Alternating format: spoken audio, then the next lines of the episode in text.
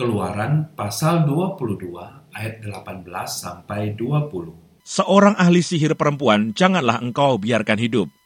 Siapa pun yang tidur dengan seekor binatang, pastilah ia dihukum mati. Siapa yang mempersembahkan korban kepada Allah, kecuali kepada Tuhan sendiri, haruslah ia ditumpas. Sahabat, mengapa penekanannya ada pada perempuan yang melakukan sihir? Apakah Tuhan membiarkan laki-laki yang melakukan sihir? Tidak.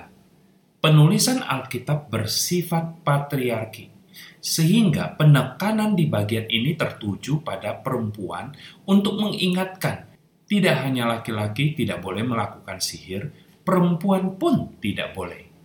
Sihir dikaitkan dengan okultisme yang melibatkan hubungan dengan orang-orang yang sudah meninggal kuasa-kuasa adik kodrati, kekuatan-kekuatan paranormal, dan kuat kuasa roh-roh jahat demi meraih kuasa untuk memanipulasi atau mempengaruhi benda-benda atau orang-orang. Pemakaian obat-obat bius bisa juga digolongkan sebagai praktek sihir. Ilmu gaib, guna-guna, ilmu sihir, spiritisme, dan perbuatan gaib yang sama merupakan tindakan-tindakan setan yang bertentangan sama sekali dengan iman Kristen.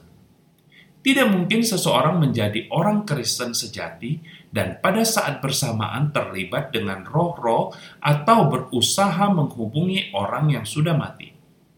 Allah mengutuk semua kegiatan seperti itu sebagai kekejian. Sahabat, memperkenan Tuhan memang tidak mudah tetapi kita bisa belajar melatih diri untuk tetap setia pada perintahnya dan berusaha untuk melakukan apa yang menjadi kehendak Tuhan. Amin.